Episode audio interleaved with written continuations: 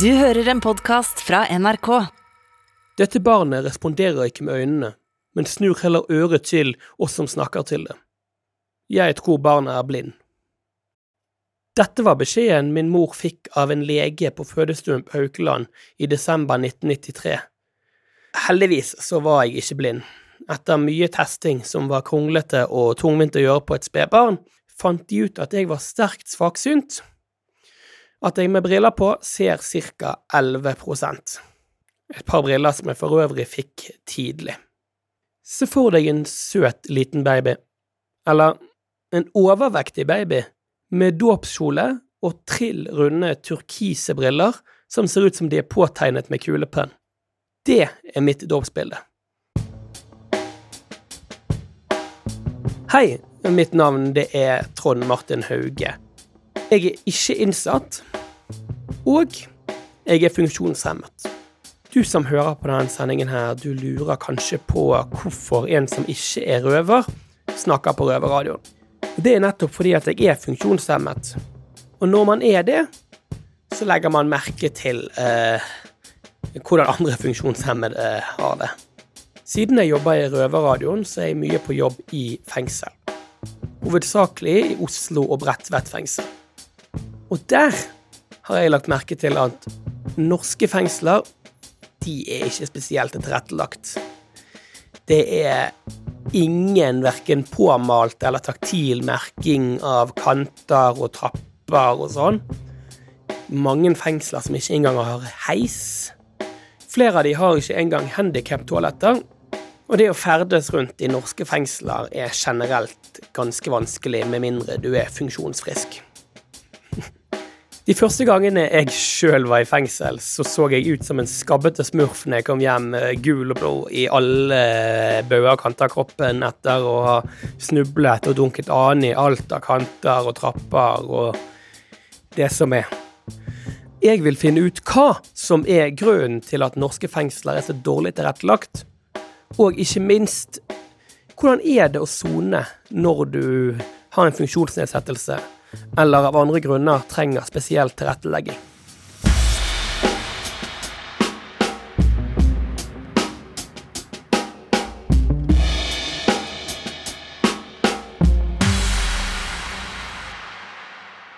Jeg heter Osman Rafik. Jeg er født 1985. Akkurat nå så soner jeg en dom fra 2013 i Halden overgangsbolig. Og her kom jeg den 29. mars 2021, etter ti måneder på avbrudd. Han her er kanskje ikke så ukjent for deg hvis du har fulgt Røverradioen en stund, og eller har lest boken vår Røverhistorier. Osman soner for tiden en dom i Halden overgangsbolig for en narkotikasak fra 2013. Han har en sjelden kronisk sykdom, systemisk sklerose. Denne autoimmune sykdommen gir blant annet økt bindevevsdannelse i hud og indre organer, som i Osmans tilfelle gjør huden tjukk og stiv. Det er en sykdom som heter systemisk sklerose. Kun 300 mennesker da, i Norge per i dag, 2021, får det. Vil si ca. åtte mennesker i året fra 1980 til nå har den sykdommen. Eh, du har, både, du har, to forskjellige typer av den sykdommen. Du har både den kutane formen, altså, altså den diffuse formen, som er veldig aggressiv. Og så har du den begrensede formen, som er liksom Du kan få det kanskje på hendene eller kanskje bare litt hard hud på føttene. Men den kutane formen er over hele kroppen. Altså indre organer og alt sammen, da. Så jeg har den kutane formen, jeg har den diffuse formen. Så jeg har overlevd de 18 kritiske månedene fra jeg fikk sykdommen. Fra jeg ble diagnosert i 2010 august. Og så følges jeg regelmessig opp på eh, Rikshospitalet. Og det er eneste som hjelper her nå, og for å holde den sykdommen i sjakk, er, er fysioterapi og varmtvannsbehandling, og gjerne være i varmere strøk når gradene i Norge er på minusen i oktober-november til april-mai. Eh, Jeg klarer hovedsakelig gjøremåla mine, men jeg, jeg har jo ja, Kall det skjevstilling, feilstilling, men jeg har jo krukkete hender. ikke sant? Det er det første som eh, skjedde under sykdommen. For jeg danner for mye bindevev til at jeg klarer å bryte ned. Og det dannes veldig mye i akkurat hendene mine, og det klarer ikke hendene mine å bryte ned. Og derfor så har jeg fått det der. Eh, og det synes jo veldig klart. Eh, resten av kroppen fungerer, men jeg nå på slutten så har jeg jo også fått fibrose i lungene. Så det dannes vev i lungene som gjør det vanskeligere etter hvert med pust og sånne ting. da. Så alt man kan gjøre, er jo kun å trene. Og så har du litt skjevstilling i føttene. Men det kommer jo selvfølgelig av at blodsirkulasjonen ikke er optimal. Mens Osman satt på Bastøy i 2013, pådro han seg en ny dom som førte til at han i 2019 måtte inn igjen i fengsel, denne gangen i Halden. Halden fengsel er et av de mest moderne fengslene i Norge, og skal være universelt utformet. Men når Osman dukket opp, skjønte han fort at her kunne ikke han sone. Jeg ble kjørt av en kompis, eh, barndomsvenn. Eh, kom hit og så de store portene som vanlig, og gikk inn og fikk hjelp til å bære siden jeg har litt problemer med å bære poser og sånne ting, så har jeg litt besvær med det. Så fikk jeg hjelp av godeste de som jobbet. Ja, jeg måtte jo gi fra meg koffert, og sånn at uh, bikkjene skal jo lukte og alt det der. Og så gjennom noen dører, og så uh, skannere. Og så var det opp på avdeling, da. Og la meg i senga og sånn, og så så jeg at det var bad og toalett og sånn, og da sa jeg liksom Hvem er det Når jeg skal på toalett, så er, har jeg jo Jeg har jo vask- og tørktoalett, ikke sant, og det, det, er litt vanskelig når du har disse hendene her, å vaske seg sjøl og sånne ting. Og da lurte jeg bare Da ringte jeg bare på, for jeg ønsket å gå på do, og da var det sånn at eh, da var det helt panikk i hele huset. Etter 20 minutter så plutselig var det snakk om avbrudd, og jeg visste jo ikke hva ordet avbrudd betydde, jeg heller. Før jeg fikk det skriftlig på lapp, at uh, de må komme tilbake til etter en måned. Men de månedene ble jo til ti måneder, da. Sykdommen førte til at Osman fikk soningsavbrudd. Avbrudd er noe kriminalomsorgen kan gi dersom du er for syk eller av andre grunner ikke har mulighet til å sone dommen din. Enkelt forklart så er du under kriminalomsorgen og kan blant annet ikke forlate landet, og mange føler at det er litt som å sone hjemme med fotlenke. Og dette avbruddet det varer til eh, personen er helt frisk, eller at kriminalomsorgen har funnet en annen egnet soningsplass. Da Osman skulle inn og sone i 2019, så var han egentlig på vei til India for å teste ut en alternativ behandlingsform for sykdommen hans. Men siden han de ni månedene i avbrudd ikke fikk reise ut av landet, ble dette dessverre ikke noe av. Når du har en kronisk sykdom som gradvis blir verre, og dette i tillegg forverres av å sitte i fengsel, blir dette avbruddet da en strengere straff? Ja, jeg, hjemme så har jeg hatt hjemmesoning, da, ikke sant. Om du sier lenke eller ikke. Jeg hadde jo ikke noe lenke på meg, så de fulgte jo meg ikke. Men det var jo mer eller mindre hjemmesoning. Så det går jo under, under hjemmesoning. Jeg er jo under strenge restriksjoner og vilkår som jeg må følge. Ja, jeg har jo gjort noe gærent. Det er jo derfor jeg sitter her. Altså Ekstra straff er jeg ikke, men jo, ekstra straff er jeg pga. avbruddet. Så føler jeg at jeg soner Der jeg skulle sone to år, så soner jeg to år og ti måneder. Så selvfølgelig da sier man Det sier seg litt sjøl når du har den, de forutsetningene du har. Du vet ikke, etter ti år så dør 30 med den sykdommen jeg har. Og jeg har fått fire nye diagnoser i løpet av bare den tiden jeg sitter her inne nå, fra 29. mars med fibrose i lungene, skjevstillinger osv. Eh, depresjoner, angst og alt sammen. Så det er fire nye diagnoser som jeg ikke har vært kjent med fra 2010 til 2021. For da har alt gått eh, veldig fint, for da har jeg hatt et team der ute i Oslo som har vært med og bidratt med alt. Sånn ved å holde meg aktiv, ved å gi meg drosjekort, ved å gjøre alt sammen. Så de har liksom gjort alt da, de kan i Oslo. Og det er litt vanskeligere når du kommer da til Halden, og så skal du begynne alt på nytt. Så jeg måtte jo søke alt her på nytt. Som Osman sjøl sier her, så kan mye av sykdommen holdes i sjakk med fysisk aktivitet og riktig tilrettelegging. Men når du sitter i et norsk fengsel, så er ikke dette så lett å få gjennomført. Dette bekreftes også i en rapport fra Diskriminerings- og likestillingsombudet fra 2017. Den viser til forskning som sier det at enkelte innsatte med nedsatt funksjonsevne soner under eh, forhold som fører til svekking av deres både fysiske og psykiske sykdomssituasjon. Etter ti måneder i soningsavbrudd eh, kom Osman inn igjen til Halden fengsel. Denne gangen til en av overgangsboligene som fra før av er tilrettelagt for rullestolbrukere. Selv med all denne tilretteleggingen har Osman behov for mye hjelp for å få gjennomført dagligdags gjøremål. Dette, sammen med det at han ble sykere av soningen, fikk Osman til å søke om utredning for hjemmesoning og eller soningsfritakelse. Jeg mener jo sjøl at, at, jeg ikke er soningsdyktig, og det kommer jo frem av masse legejournaler. At uh, udyktighet burde være innenfor bildet, og det er samme advokaten påpekt. Men jeg har jo fått blanke avslag for å bli utreda. Så da kan jeg jo ikke gjøre så mye mer. For å si det sånn, da, med, med den type sykdom jeg har, og alt sammen, og at det er en gammel sak i tillegg, Greit, første dommen så satt vi jo fulltid og satt eh, ganske på Oslo.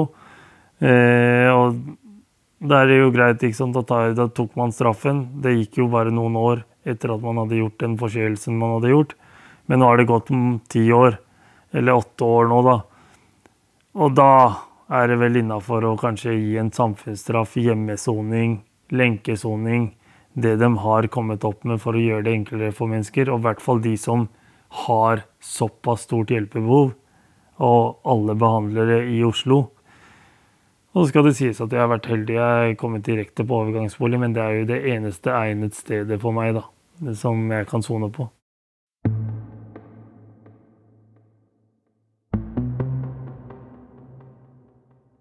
Men Osman er ikke alene om å ha spesielle tilretteleggingsbehov i fengsel.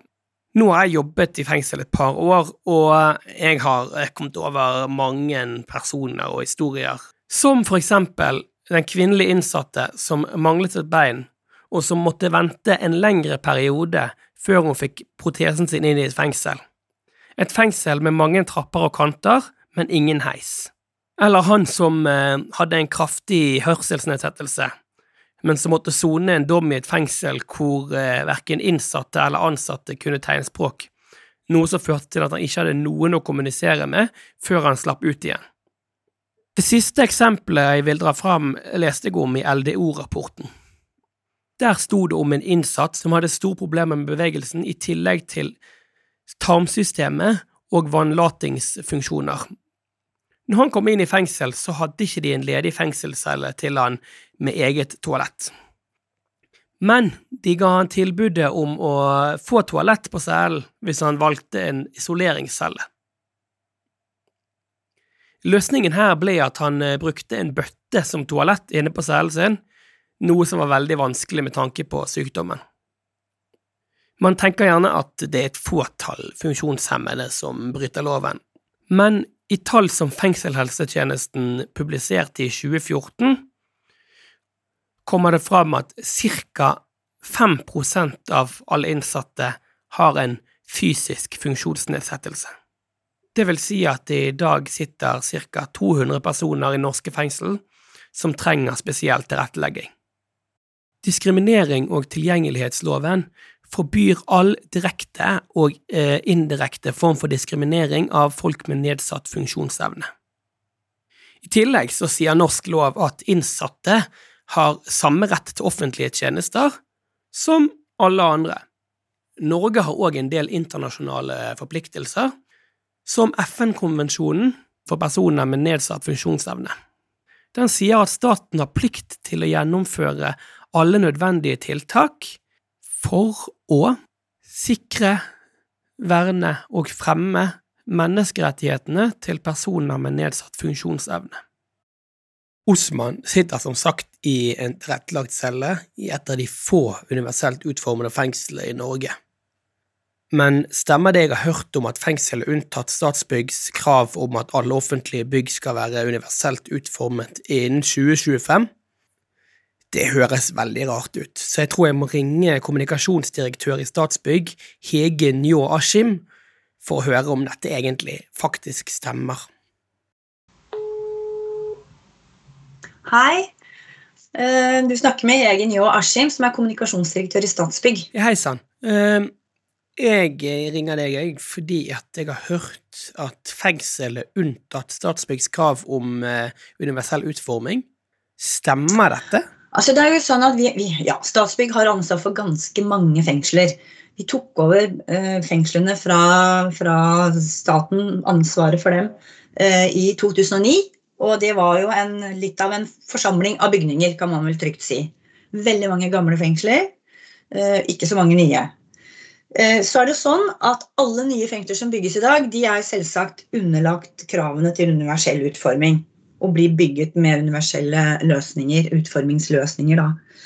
Mens eh, en god del av de gamle byggene ikke er omfattet av dette kravet om at eh, de skal være universelt utformet innen 2025. Så der har vi jo en utfordring. For det er mange av disse fengslene som er i bruk, og det er klart at det vil også være folk der som har behov for en annen tilrettelegging enn det fengslene tilbyr. Hva må Statsbygg gjøre dersom de får inn en eh, person med funksjonsnedsettelse, f.eks. en person i rullestol, men så ja. har de ingen tilrettelagt fengselscelle ledig?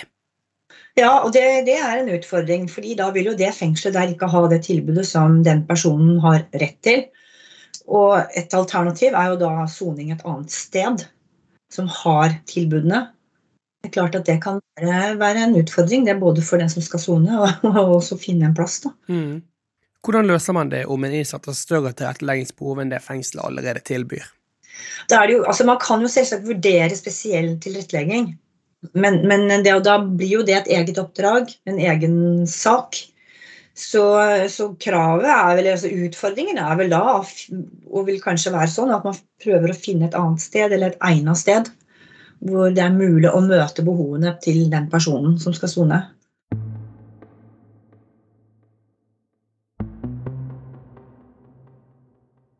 Statsbygg sier jo her Osman, at de ikke har mulighet til å tilrettelegge gamle fengselsbygg, men bare de som de har bygd sjøl. Eh, og du bor jo i et av de tilrettelagte fengslene, i en tilrettelagt handikapcelle. Eh, hva er det de har gjort med den cellen som gjør det så vanskelig å gjøre det f.eks. i en celle i Oslo fengsel? Ja, Den er tilrettelagt med at uh, det er en HC-dør. Den går opp av seg sjøl. Det er elektrisk HC-dør. Og så er det Du har en seng seng som du kan justere på. Uh, i forhold til de andre sengene, dobbeltsengene som er på de andre rommene, så kan du justere litt opp og ned hvordan, hvor høyt og hvor lavt du vil ha det. Og så har du Jeg tror ikke tørk- og vasstoalettet var der med min, han forrige innsatte som var der, i hvert fall. Sånn, så, Sett vekk fra vask- og spyltoalettet. De andre tiltakene som er gjort for å, for å tilrettelegge disse handikapcellene, eh, tror du det kunne for vært gjort i Oslo fengsel, du som har bodd der òg? Ja, jeg har vært i Oslo fengsel, og jeg mener at Oslo fengsel kunne hvis Alt er mulig hvis man vil gjøre det, og hvis viljen står på at man ønsker å gjøre en forandring, så tror jeg ikke det er noe problem for Statsbygg om det er Oslo fengsel, Ullersmo eller hva du, hvilken fengsel du vil. Men jeg tror at det viktigste er at de, det står jo på selvfølgelig økonomi, tror jeg, da. Og så hvor mye de legger i det, og hva som er Hvem som skal sone hva, og hvilken type sykdom og vi, hva slags tilrettelegging som skal tilrettelegges, da, og hvor mye penger de vil legge opp i det hele kassa. En som har kunnskapen til å mene noe om eh, fengselstilrettelegging, og som vet hvilken tilrettelegging man faktisk kan få i fengsel, er Are Høydahl. Hei, jeg heter Are Høydahl, og jeg er fengselsleder i Halden fengsel, og har vært det siden oppstarten i 2010. Derfor sendte vi ansvarlig redaktør i Røverradioen, Mine Hajan, til Halden fengsel for å spørre Are om hva som skjer når de får inn en innsatt som Osman. Det å ta inn innsatte med spesielle behov kan være en utfordring for fengselet. Det er eh, veldig mye utfordringer knyttet opp mot det, eh, spesielt hvis de ikke kan eh, hjelpe seg selv. Vi har jo innsatte som trenger bistand nesten kontinuerlig. Så da har vi jo heldigvis helseavdeling her på, på, dagtid, men på ettermiddagstid så blir det jo at betjentene må, må bistå i forhold til mye som egentlig betjenter ikke skal drive med.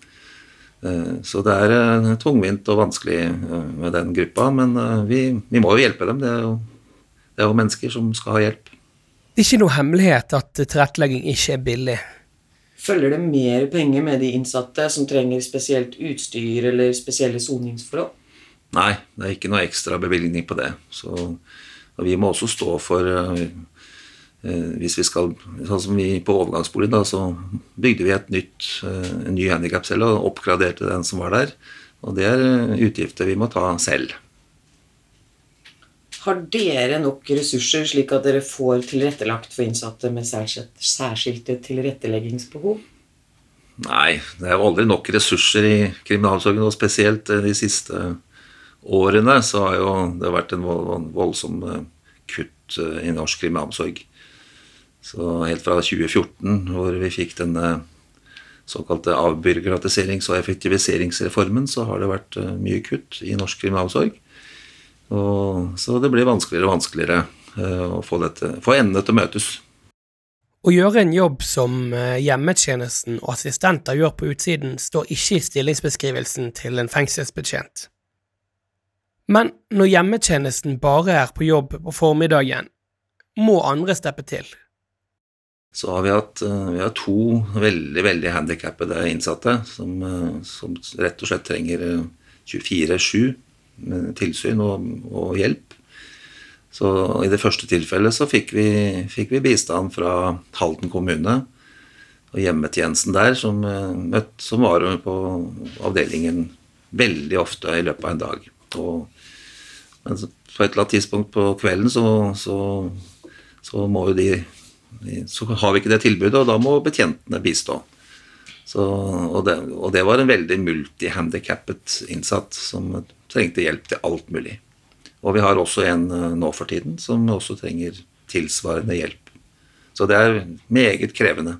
Som tidligere nevnt i sendingen, så var det ingen ledige tilrettelagte celler når Osman kom inn i fengsel. Og derfor fikk han dette soningsavbruddet. Når vi får helseutfordringer eh, inn i, fengselet vårt, så er det jo helseavdelingen som tar en kartlegging, eh, helsekartlegging av eh, alle nyinnsatte. Absolutt alle nyinnsatte. Og i dette ja, i tilfellet hvor det, er innsatte som har veldig store utfordringer, da, så vil jo den kartleggingen foregå med en gang. Vanligvis så skal det skje innen 24 timer. Men i noen tilfeller hvor vi ser at det er veldig veldig utfordrende, så, så skjer det med en gang. Og i noen tilfeller så sier eh, vår helseavdeling at eh, vedkommende kan ikke være inne i lukka. Vi har ikke nok muligheter til å ivareta vedkommende på en vanlig handikapcelle.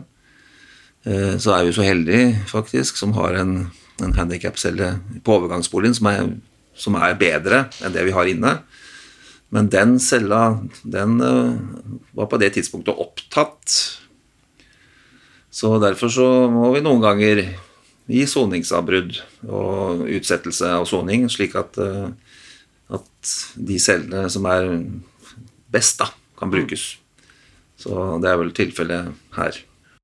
For å få hjemmesoning så må den dømte til en eh, legekontroll hos en offentlig lege som bedømmer om eh, vedkommende er soningsdyktig.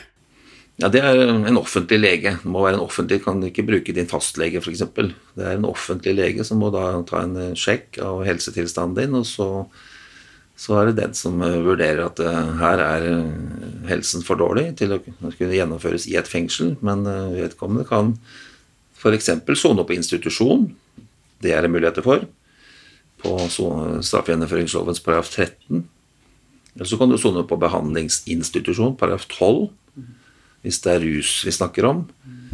Eller så kan du sone hjemme, hvis du overhodet ikke kan sone i et fengsel. Så er det også åpning for å ha hjemmesoning med, med elektronisk kontroll. Are har et ønske for uh, norsk kriminalomsorg som han mener at uh, vil løse mange av problemene rundt det å ha innsatte med store sykdomsutfordringer. Jeg mener personlig at den beste løsningen er at uh, kriminalomsorgen har et tilbud til, i forhold til somatisk syke innsatte. Det skulle vært en, en avdeling i et av fengslene i Norge som hadde en somatisk sykeavdeling. Hvor de som eh, har såpass store helseproblemer, kunne da sone med helsepersonell til stede. Døgnkontinuerlig. Når jeg begynte i norsk kriminalomsorg, det kan vi godt ta med, i 84 1984 i Oslo kretsfengsel. Min første arbeidsplass i Oslo kretsfengsel den gangen var på sykeavdelingen i Oslo, fengsel, Oslo kretsfengsel sykeavdelingen der satt jeg nattevakt sammen med en uh, sykepleier. Jeg var den sikkerhetsmessige mannen, og så var det en sykepleier. Og det var døgnkontinuerlig. Ti celler på den avdelingen med ganske syke innsatte. Somatisk syke. Og rett over gata, eller rett over plassen i Oslo fengsel, så var det noe som heter Fengselssykehuset. Eh, det er der stifinneren er i dag de hadde da psykiatri. Så på 80-tallet så hadde Oslo kretsfengsel et psykiatrisk sykehus innafor murene og en sykeavdeling for somatisk syke.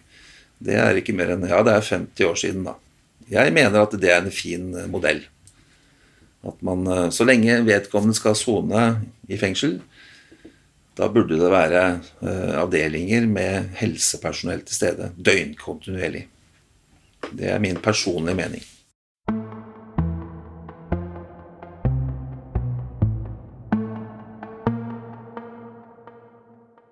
Min jobb det er jo egentlig bare å eh, videreformidle til dere hvordan det er å sone i fengsel når man har en alvorlig kronisk sykdom eller eh, er funksjonshemmet. Men det er vanskelig å ikke bli personlig i denne saken her, for dette handler jo om likestilling. Man skal ikke dømmes annerledes bare fordi at man har en funksjonsnedsettelse, men samtidig, hvor mye skal skattebetalerne betale for at uh, ekstra tilrettelegging skal gjennomføres, og det er så mange store spørsmål her som jeg egentlig ikke kan svare på. For å være litt personlig, da, så er jeg lei av diskriminering av funksjonshemmede, og, eh, og jeg kan rett og slett ikke forstå hvorfor lov om tilrettelegging ikke skal gjelde alle plasser i samfunnet spesielt de plassene som vanlige borgeren ikke ser.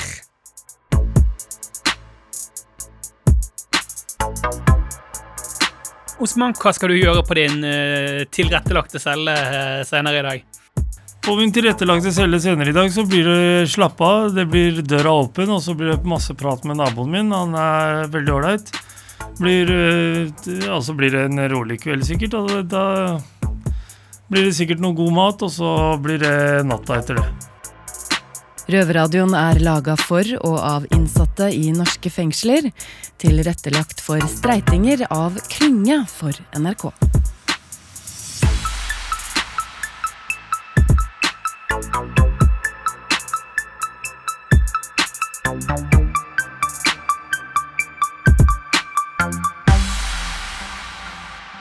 Du har hørt en podkast fra NRK.